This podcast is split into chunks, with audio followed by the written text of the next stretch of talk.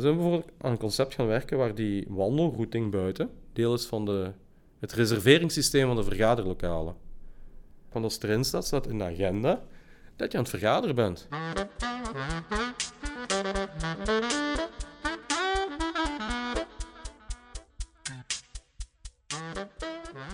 Op de sportcampus van Fontes Hogeschool in Eindhoven aan de Theo Komelaan, wie kent hem nog, zit ik met een glunderende Steven Vos. Ehm, hij is lector Move to Be binnen Fontes Sporthogeschool. En daarnaast ben je nog verbonden aan de TU Eindhoven. Maar daar gaat het hier niet over. Het gaat uh, over je laureaat. Je, je bent uh, een van de laureaten, of jouw lectoraat is een van de laureaten van de Delta-premie. Gefeliciteerd daarvoor. Die Delta-premie, dat is samen met de Spinoza-premie de grootste wetenschappelijke onderscheiding die er in Nederland te behalen valt. En de Spinoza-premie is dan meer voor het fundamentele onderzoek. En um, de Delta-premie is bedoeld voor onderzoek dat de verbinding legt met de praktijk. Met jouw lectoraat Move to Be uh, wil je nadrukkelijk bijdragen aan het slim en duurzaam verankeren van verantwoord sporten en bewegen. En dat verankeren zou dan moeten door het stimuleren en faciliteren van een actieve levensstijl op maat van personen, hun omgeving en de setting waarin ze vertoeven. Nou, met die Delta-premie krijg je de beschikking over een behoorlijk bedrag. Uh, de twee winnaars krijgen ieder 500.000 euro om hun onderzoek verder te helpen. Nou goed, uh, voordat we ingaan op die hele, wat, wat, wat die prijs gaat, uh, gaat doen met het onderzoek. Wat is dat eigenlijk? Move to be. Het is een, ja, het is een term. Er staat heel veel in die zin. Slim en duurzaam verankeren van verantwoord sport en bewegen. Iedere zin heeft al zoveel dingen die vragen oproepen. Stimuleren, faciliteren van een actieve levensstijl. Kun je er een paar voorbeelden van noemen? Waar zie je dat in terug? Waar kun je kijken van, nou, dat is wat wij bedoelen? Ja, het is bijna een Scrabble-woordenboek. Als je het aantal begrippen ziet die we in de ondertitel gebruiken. Het is vooral om de nuance aan te brengen, maar ik denk dat we er moeten het concreet schetsen. Hè. Move to be is move, is bewegen. Uh, bewegen om te zijn, zou je het kunnen vertalen. Hè. Uh, maar het is ook een beweging die we in gang willen brengen. Uh, we kunnen wel prima vinden en vinden dat iedereen zou moeten sporten en steeds actief zou moeten zijn. Heel veel mensen vinden dat ook niet leuk. maar we willen een beweging in gang brengen waardoor bewegen een evidentie zou kunnen zijn, een heel de levensloop. Ook wanneer dat wat moeilijker gaat. En voor de ene is dat omdat hij daar plezier uit haalt, voor de ander omdat hij daar fitheid in zoekt, voor iemand anders omdat hij ontspanning zoekt. Ja, ik zag hier het gebouw al een leven lang bewegen. Dat is volgens mij het motto van de hele opleiding hier. Ja, dat is onze droom, een leven lang bewegen. En uh, niet zozeer dat dat moet, maar dat mensen de mogelijkheid hebben om dat te doen. Omdat we geloven dat bewegen zoveel waarden heeft. En ik heb een paar van die waarden benoemd, het plezier, de gezondheid, ontspanning. Uh, maar dat we dat ook iedereen gunnen. Um, maar goed, dat weet toch iedereen, hè? Maar jullie doen iets extra's, want het gebeurt te weinig. Anders zouden jullie niet bestaan. Nee, klopt. En, en, en dan is dat misschien een vreemd moment om te zeggen, uh, met, met de COVID-19-pandemie, uh, laat duidelijk zijn dat het een drama is. Uh, maar voor ons heeft dat ons zeker geen kwaad gedaan om dat thema op de agenda te krijgen. Ik denk dat gezondheid, actieve leefstijl misschien wel meer dan ooit urgent is. maar dat we ook zien dat dat voor heel veel mensen steeds moeilijker wordt. Dus dat die, dat die ongelijkheid ook steeds groeit.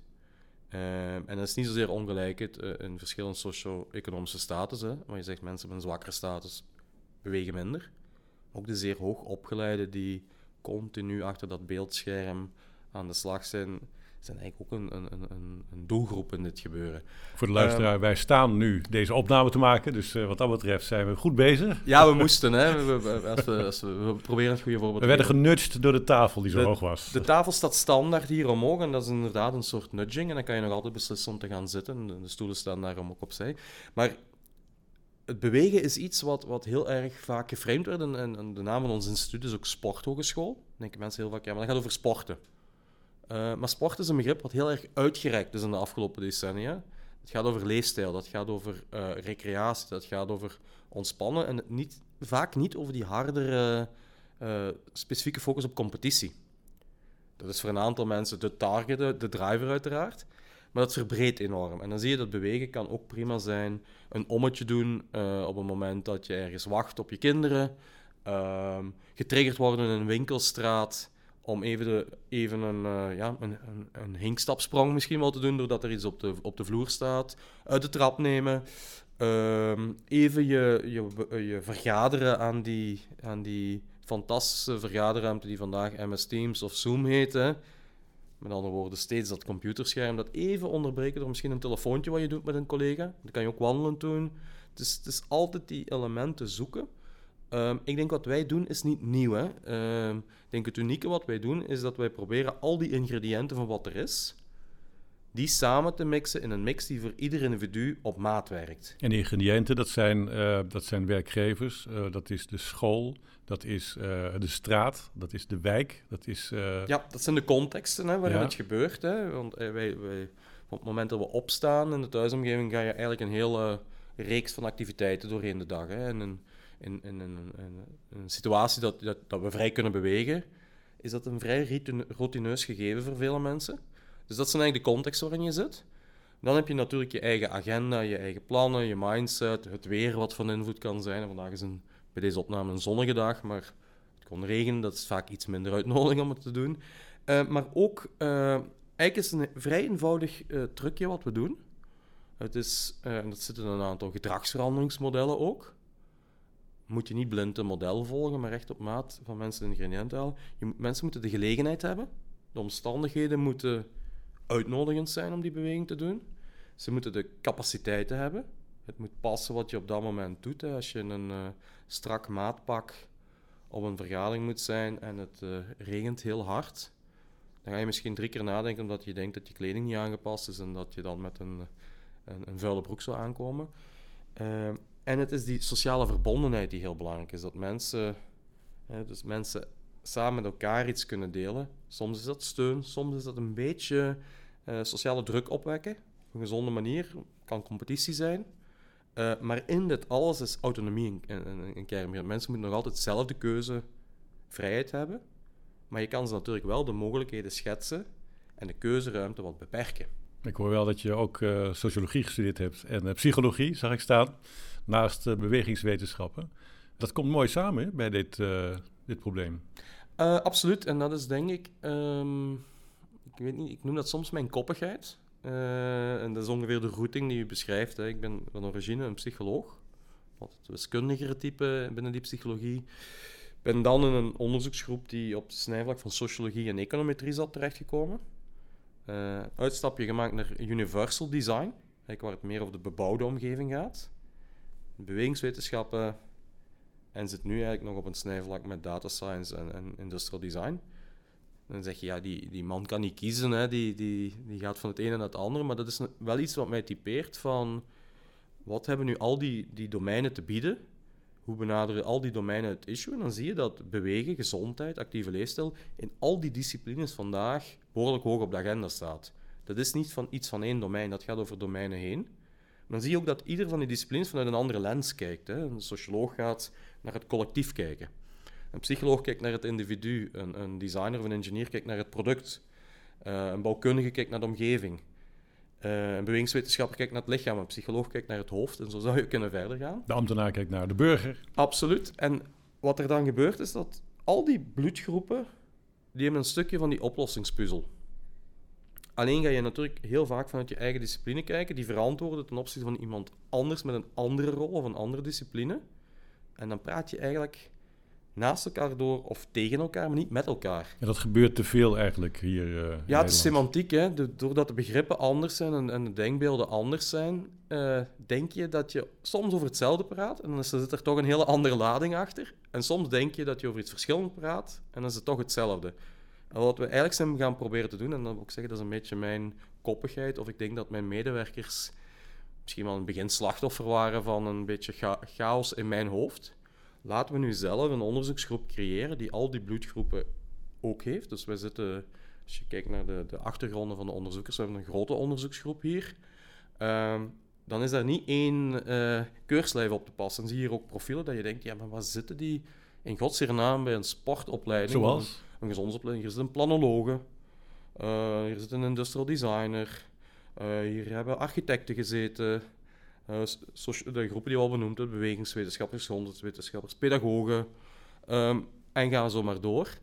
Net om die, om die ontmoetingen te zoeken, waardoor we de taal van elkaar leerden spreken. Als we dan naar de buitenwereld gingen, dan hadden we altijd de vertaler-tolkrol, noem ik dat. Dan konden we ook zien wat die disciplines mogelijk te bieden hadden.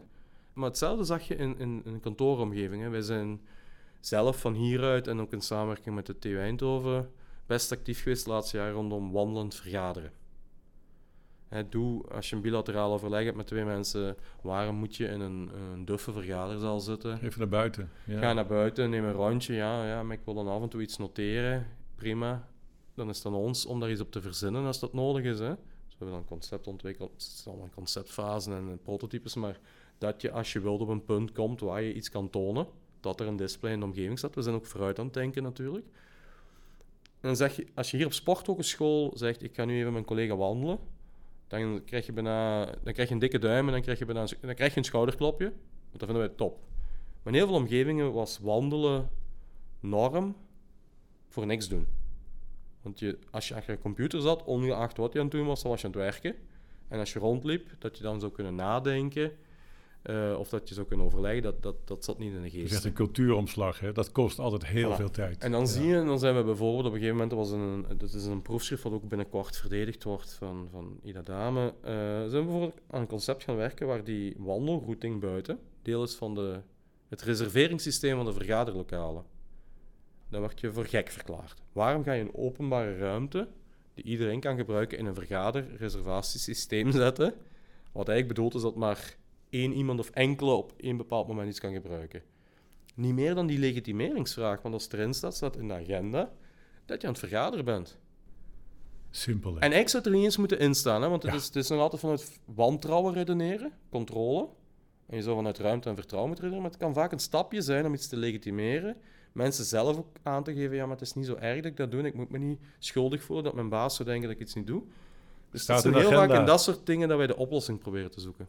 Is dat denk je eh, de reden ook dat eh Fontes jullie heeft voorgedragen voor die Delta-premie? Ehm, Juist de manier, het is niet een heel concreet ding, want de andere eh, laureaat, eh Margie Top, nou, die gaat met autobanden aan de gang. Een heel lekker concreet eh, onderwerp. Hoe kun je die autobanden weer op een verantwoorde manier uit elkaar halen, waardoor ze weer hergebruikt kunnen worden? Ja, eh, met Steven Vos heb ik toch een heel ander gesprek. Ja, klopt. En, en ik, ik denk ook... ehm, Wat zou de kerngedachte kunnen zijn achter die premie? Ik denk dat de kerngedachte achter. Ik denk dat je op twee lijnen zit. Eén is de lijn eh, dat je naar een geïntegreerde visie toewerkt. Als we complexe maatschappelijke vraagstukken willen aanpakken, dan kunnen we dat niet alleen. En daar is volgens mij zijn heel veel mensen van overtuigd. En het begrip samenwerking dat gebruiken we al tientallen jaren. Maar samenwerken wordt volgens mij vaak fout gebruikt. Dat betekent ook echt je discipline gaan overstijgen. En Daar zitten we middenin nu in de Ja. pandemie-problematiek. Dat Ja. is echt een schoolvoorbeeld ervan Ja. waar het misgaat. Ja, en iedereen gaat vanuit zijn eigen eh, perspectief of achterban of, of, of wensenlijstje ga, ga je samenwerken en dan komt er eigenlijk heel weinig tot stand. Terwijl als je dat gezamenlijk beeld hebt, maar begrijpt dat je verschillend bent en op je eigen, laten we zeggen, je moet je naar je eigen peers verantwoorden waar je goed in bent, maar in, in het samenspel moet je niet gaan de strijd aangaan met andere disciplines, moet je die complementariteit. Ik denk dat dat één puzzelstuk is, dat we een beweging hebben gevonden waarin we zien, en ook een aanpak, een methodologie, dat je dat eh, aan de ene kant hoog over moet doen. Ik denk dat we echt top-down systemen moeten blijven durven de Don Quixote eh, in ons te zoeken om systemen te veranderen. We hebben de wereld in silos verdeeld. Dat is, norm dat is niet onlogisch natuurlijk, hè, dat we verschillende beleidsdomeinen hebben, verschillende disciplines. Maar dwars door die silos gaan en tonen aan de bovenkant dat je bijvoorbeeld langjarig moet investeren als je iets wilt tonen. Als je een om- omkanteling wilt zoals wij die beogen. En, en dan is de eerste vraag, ja, maar hoe ga je je effect aantonen?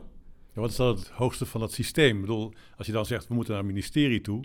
Ja, eigenlijk zou je dan niet naar het ministerie van Volksgezondheid moeten gaan. Maar je moet naar een heel ander ministerie. Of, dat Ja. is ook weer zo'n complex Ja. ding van, waar zit dat dan? Hè? Die, top, die het- top van het top-down Ja, denken. het zit eigenlijk tussen al die ministeries, hè? want het, uiteindelijk gaat het ook over economische zaken, het gaat over veiligheid, het gaat over, noem maar op. Hè? Het is, Sociale zaken. Ja, juridische kaders.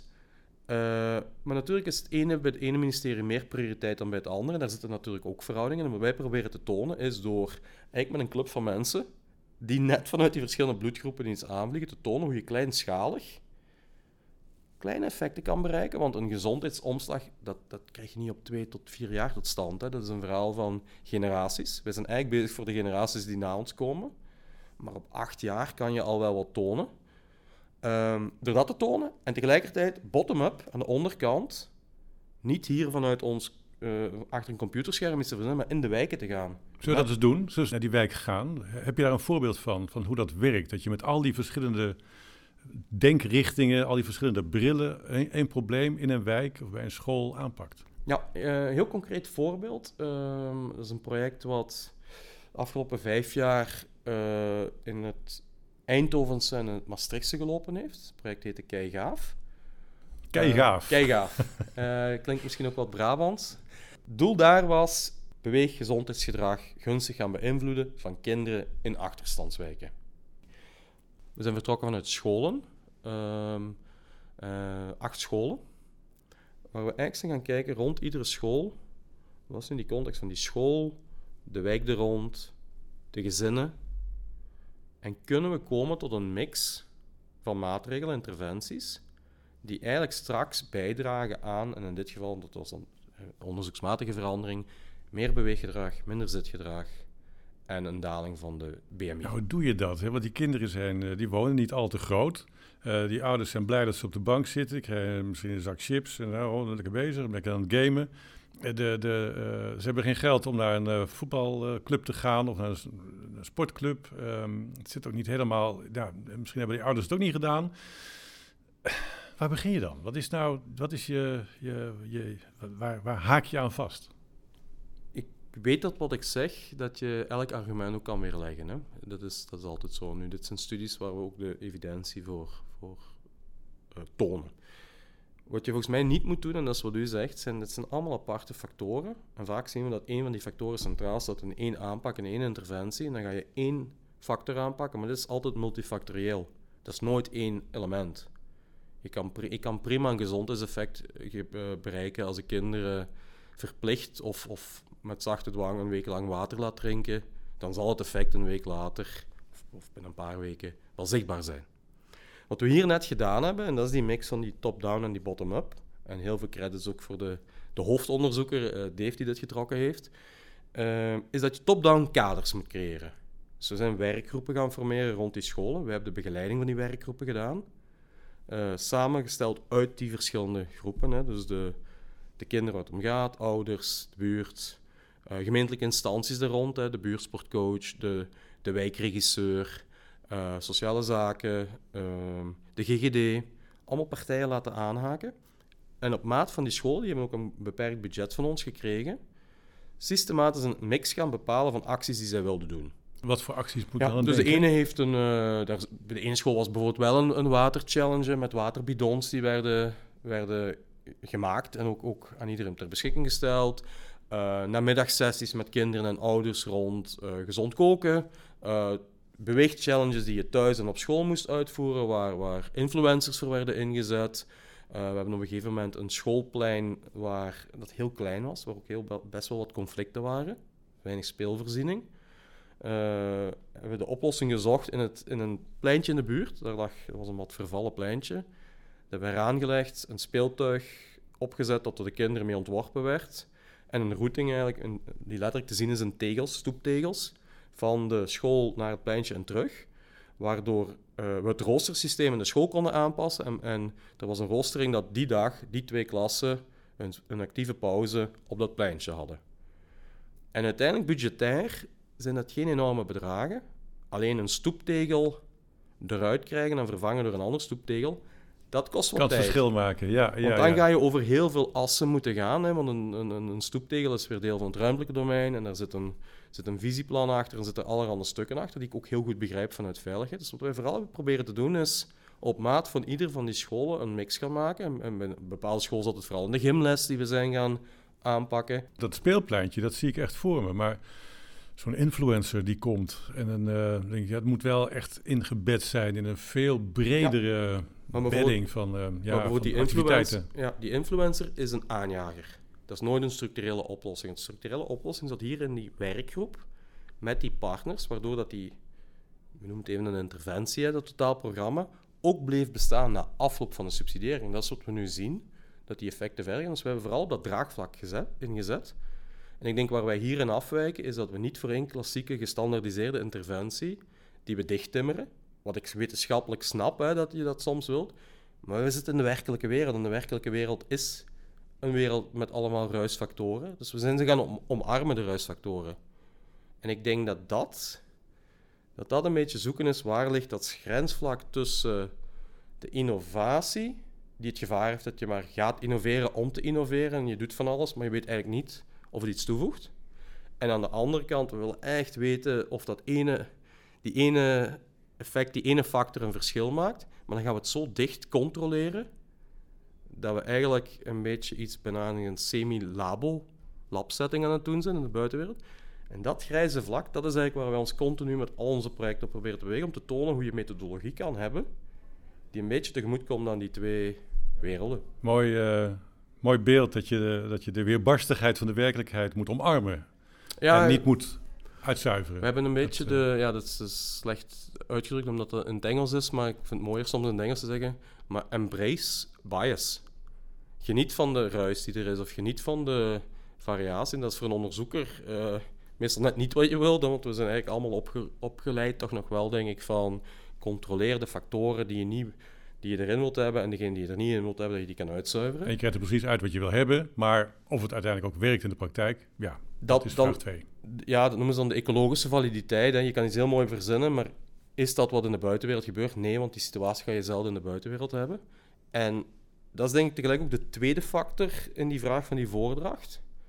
Uh, wat volgens mij ook een van de redenen van de voordracht is, dat wij heel langzaamaan zijn gaan bouwen over een periode van meer dan acht jaar aan eerst een duidelijke kompasrichting voor onze onderzoeksgroep. Wat is nu echt waar we het verschil op willen maken? Dat is die een leven lang bewegen, maar daar zit behoorlijke lading onder.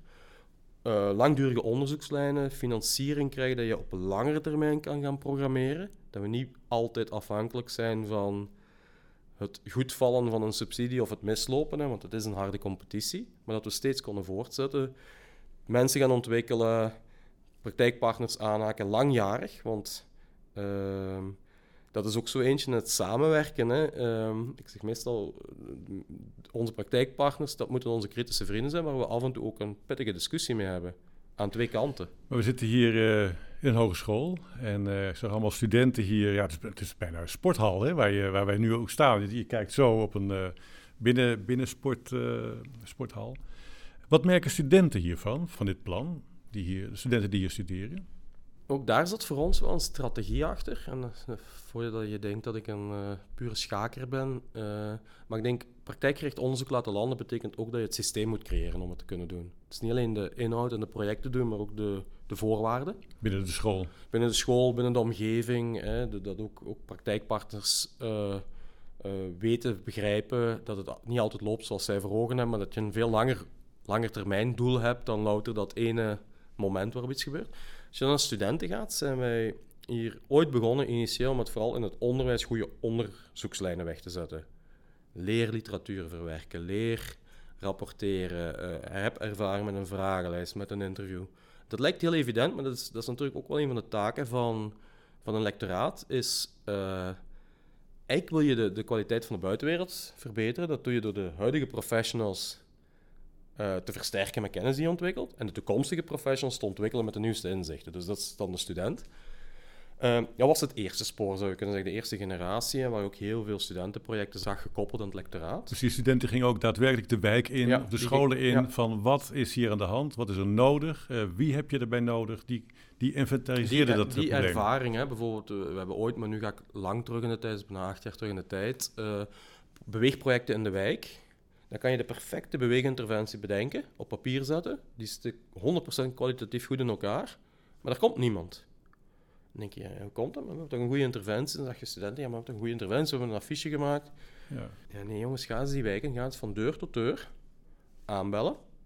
Eerste vaststelling, dat wordt niet overal open gedaan. Je ziet vaak al een gordijntje bewegen, maar die deur gaat niet open. En als je dan die deur open hebt en je staat daar in je heel strak trainingspak, met iemand die heel weinig heeft met bewegen, Geloof me, dat is een behoorlijke mismatch meestal. Dus je gaat op een andere manier in gesprek met mensen moeten komen.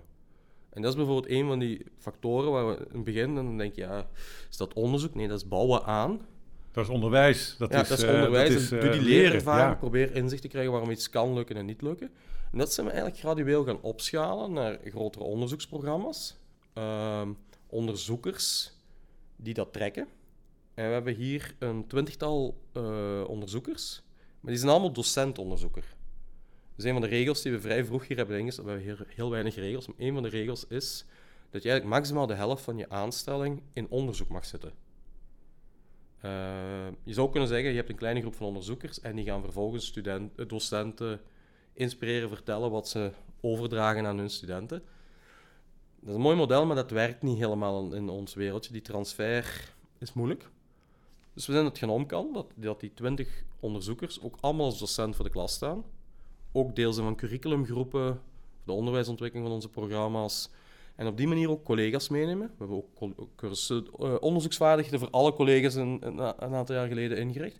En zo is daar systematisch bijna zijn apparaat gaan groeien. Er zijn er ook uh, mensen uit, uh, uit het bedrijfsleven of uit de gemeente die hier les komen geven of dingen vertellen vanuit hun bril, vanuit hun ja. zienswijze. Dat is de, en ik denk dat dat een, dat een succesfactor is. Hè? Dus je ziet dat natuurlijk in een systeem van gastlezingen, vaak. Uh, we hebben een vrij stevig stageapparaat uh, opgangen aan wat, wat ze professionele werkplaatsen noemen. Langdurige partnerships. In dit geval bijvoorbeeld op, op, op, voor twee van de opleidingen op tien, in tien gemeenten. Waar echt ook dedicated iemand zit, waar de gemeente en, en wij ook gezamenlijk geld inleggen, engagement nemen. Systematisch gaan ontwikkelen waar we die gemeenten samenbrengen in intervisietrajecten. Maar die gesprekken tussen professional en student, die zijn enorm waardevol, omdat uh, voorwaarde daarbij is dat die professional zich ook kwetsbaar toont. Want ik geloof niet dat er iemand is, uh, nee, niet om mijn leeftijd op te plakken, maar ik zal mijn eigen leeftijd nemen. Ik ben dan 45 jaar. Um, en dan is het fantastisch dat ik deze prijs win. En dan zeggen ze, ah, uh, je doet mooie dingen. En is het eerste wat ik vertel, is wat ik allemaal heb misgedaan. Wat er allemaal misgelopen is. En hoe soms misschien toeval er wel de volgende stap heeft gezorgd. En dat toeval ook niet altijd toevallig is, want dat je toeval wel een beetje kan beïnvloeden. Ik denk dat daar de leerervaring in zit. Even terug naar die Delta-premie. Vijf ton te besteden. Heb je er een plan voor? Uh, ja. Uh, Gelukkig. Ja, absoluut. maar het plan is, een, een, is meer dan een kompasrichting, maar staat ook niet in steen uh, vastgebeiteld. Wat we eigenlijk willen doen, en dat is ook, ook de kern denk ik, van het, van het Delta-premie dossier, zoals het is ingediend, is dat we die, hè, die, die grote abstracte bewegingen waar we het over hadden, hè, waar we echt missiegedreven, langjarig het maatschappelijke probleem van ongezondheid en inactiviteit willen oplossen. Om naar die oplossing te komen, moet je inzicht krijgen in die twee wegen. Dat is het verhaal van boven en het verhaal van onder. Uh, dus wat ik op papier heb gezet, is dat we op zes locaties in Nederland, drie in Zuid-Nederland en drie uh, nader bepalen in de rest van Nederland, uh, aan de slag gaan met eigenlijk vier elementen een reeks van uh, co-design sessies, echt in een wijk, een wijk gaan selecteren met onderzoekers, met professionals, met buurtbewoners, met beleidsmakers, een groep creëren waar we samen leren hoe kunnen we iedereen een stem geven. Hè, want je spreekt op verschillende niveaus. Een beleidsmaker spreekt niet dezelfde taal als een, als een buurtbewoner. En die buurtbewoner heeft het gevoel, ja, maar die beleidsmaker staat boven mij misschien wel. Hoe krijg je, zorg je dat iedereen gelijkwaardig rond een tafel zit? En hoe ga je vanuit design een heel creatieve manier. Iedereen is creatief. Proberen te zoeken naar oplossingen, slimme oplossingen, dat pas ik bij mijn lectoraat, die we morgen al kunnen implementeren. Bijvoorbeeld, uh, er is een speelpleintje, maar er staat een hek rond en het poortje is maar op bepaalde tijdstippen open. Misschien is de oplossing wel dat het poortje vaker moet open zijn. Of um, er is een, speelplein en het is systematisch ligt het vol met afval. Um, ja, we gaan hard ingrijpen, want hè, dat oh nee, hangjongeren, het loopt mis. De vraag is, is dat pleintje alleen van kinderen? Of heb je een pleintje waar kinderen kunnen gebruiken, wat hangjongeren gebruiken en ouderen? En waar je die groepen onderling met elkaar laat inzien dat ze daar alle drie gebruik van maken. Nu gaan we dat vaak oplossen met regels aan de achterkant, terwijl we het vaak nooit aan de voorkant doen. Of... Um, ja, wat, we bijvoorbeeld zien is uh, bepaalde wandelroutes waar een veiligheidsissue zit. Uh, waar een lantaarnpaal al veel kan oplossen of waar een overstikpunt niet helder is. Ik, zoek het nu, ik ben nu heel clichématige dingen, maar dus wat we willen doen daar is een sessie gaan doen. Vijf sessies, dat zal voor een periode van twee maanden lopen. Parallel daaraan uh, gaan we een onderwijsmodule ontwikkelen van acht weken voor studenten. Om ze net te tonen wat dat is als je bruggenbouwer wilt zijn, de grenzen over wilt gaan tussen disciplines, met andere professionals aan de slag wilt. Hoe ga je ook met methodieken elkaar taal leren spreken? Andere taal, ja, andere precies. Taal. Ja. Dus er komt heel veel op taal terecht. Ja. Uh, samen aan de slag gaan. En we gaan dan interacties zoeken tussen die groep van, met die buurtbewoners en die professionals en die studenten. Derde element, het oogt wat complex hoor. Uh, maar zijn uitwerking is vrij eenvoudig. Denk ik. Derde element is een theater-talkshow. Waarin we beleidsmakers, die buurtbewoners, die studenten, onderzoekers samenbrengen. Op, in die regio die we gekozen hebben. En dat is eigenlijk het slot-event, zou je kunnen zeggen, van die twee parallele sessies. Waar eigenlijk de oplossingen worden gepresenteerd. Maar waar, waar we ook op een licht humoristische manier willen tonen hoe we elkaar misbegrijpen. En hoe je misschien door af en toe misschien wat terug uit de ogen van een kind te kijken, of, wat, of zoals we in de familiale sfeer vaak met elkaar omgaan, dat als we dat professioneel zouden doen, dat we misschien wel... Ga daar ook acteurs voor inhuren? Ja, ik denk dat ik zelf ook wel een stukje acteur kan zijn, maar dat, dat zie ik echt wel in, in dat format. Hè. Om te tonen, naar de clichés naar boven te halen en die clichés gaan te bespreken. Um, en het vierde element is eigenlijk dat dat alles wat daar gebeurt, dat we dat in een leerplatform ondersteunen, waar al die tools die ontwikkeld zijn op komen te staan. De verhalen worden verteld van die sessies. Um, en dat doen we dus zes keer. En dan denk ik dat we een enorme bak aan materiaal hebben om anderen te inspireren hoe het kan. Maar waar we telkens ook aangeven, wat is het doel, wat willen we bereiken? En hoe gaan we eigenlijk ook met z'n allen bepalen of we nu geslaagd zijn? Dus het, het verhaal terug van innoveren, leuke dingen doen, maar ook altijd wel een beetje de maat houden van, maar wat voegt dat nu toe? Heeft het gewerkt? Dus dat is eigenlijk in het kort uh, wat we willen gaan doen met die premie. Ja. Steven, even terug naar het allerbelangrijkste. Bij die Delta-premie hoort ook een beeldje. De Delta Award. Waar komt dat te staan eigenlijk? Dat is een... Uh, Weet je wat het is? Ik heb het gezien. Um, het is ook nog een leuke puzzel, heb ik gezien. Hè? Dat uh, als je drie elementen samenvoegt, dat dan de de delta tot uh, verlichting komt, letterlijk. Uh, ik heb daar niet over nagedacht. Onder de kerstboom misschien? Ja, nee. Voor mij is het een, ik vind een, een, een zoektocht, omdat voor mij dit ook wel echt deel is van een collectieve prestatie. En dan ben ik al wel een paar keer vriendelijk op de vingers getikt, maar positief van... Uh, ja, maar hier moet jij nu echt naar voren treden, dat is jouw prijs. Maar ik meen oprecht, ik ben maar de, uh, bij momenten de captain, um, soms de stuurman, misschien soms wel de, de matroos, uh, van, een, van een hele equipe. Dus ik ben erover aan het denken of ik die niet hier ergens in dit gebouw een plek moet geven. En dan moeten we een mooie plek vinden, want het is iets, iets kostbaar, maar dat, ja... En het geeft licht. Het geeft licht. Voor iedereen. ja, en ik denk dat licht iets is wat we met z'n allen nodig hebben. Hè. En verlichte momenten misschien nog veel meer. Kijk, daar kun je mee verder. Steven Vos, bedankt voor dit gesprek. Dank u wel. En nogmaals gefeliciteerd. Dank u wel.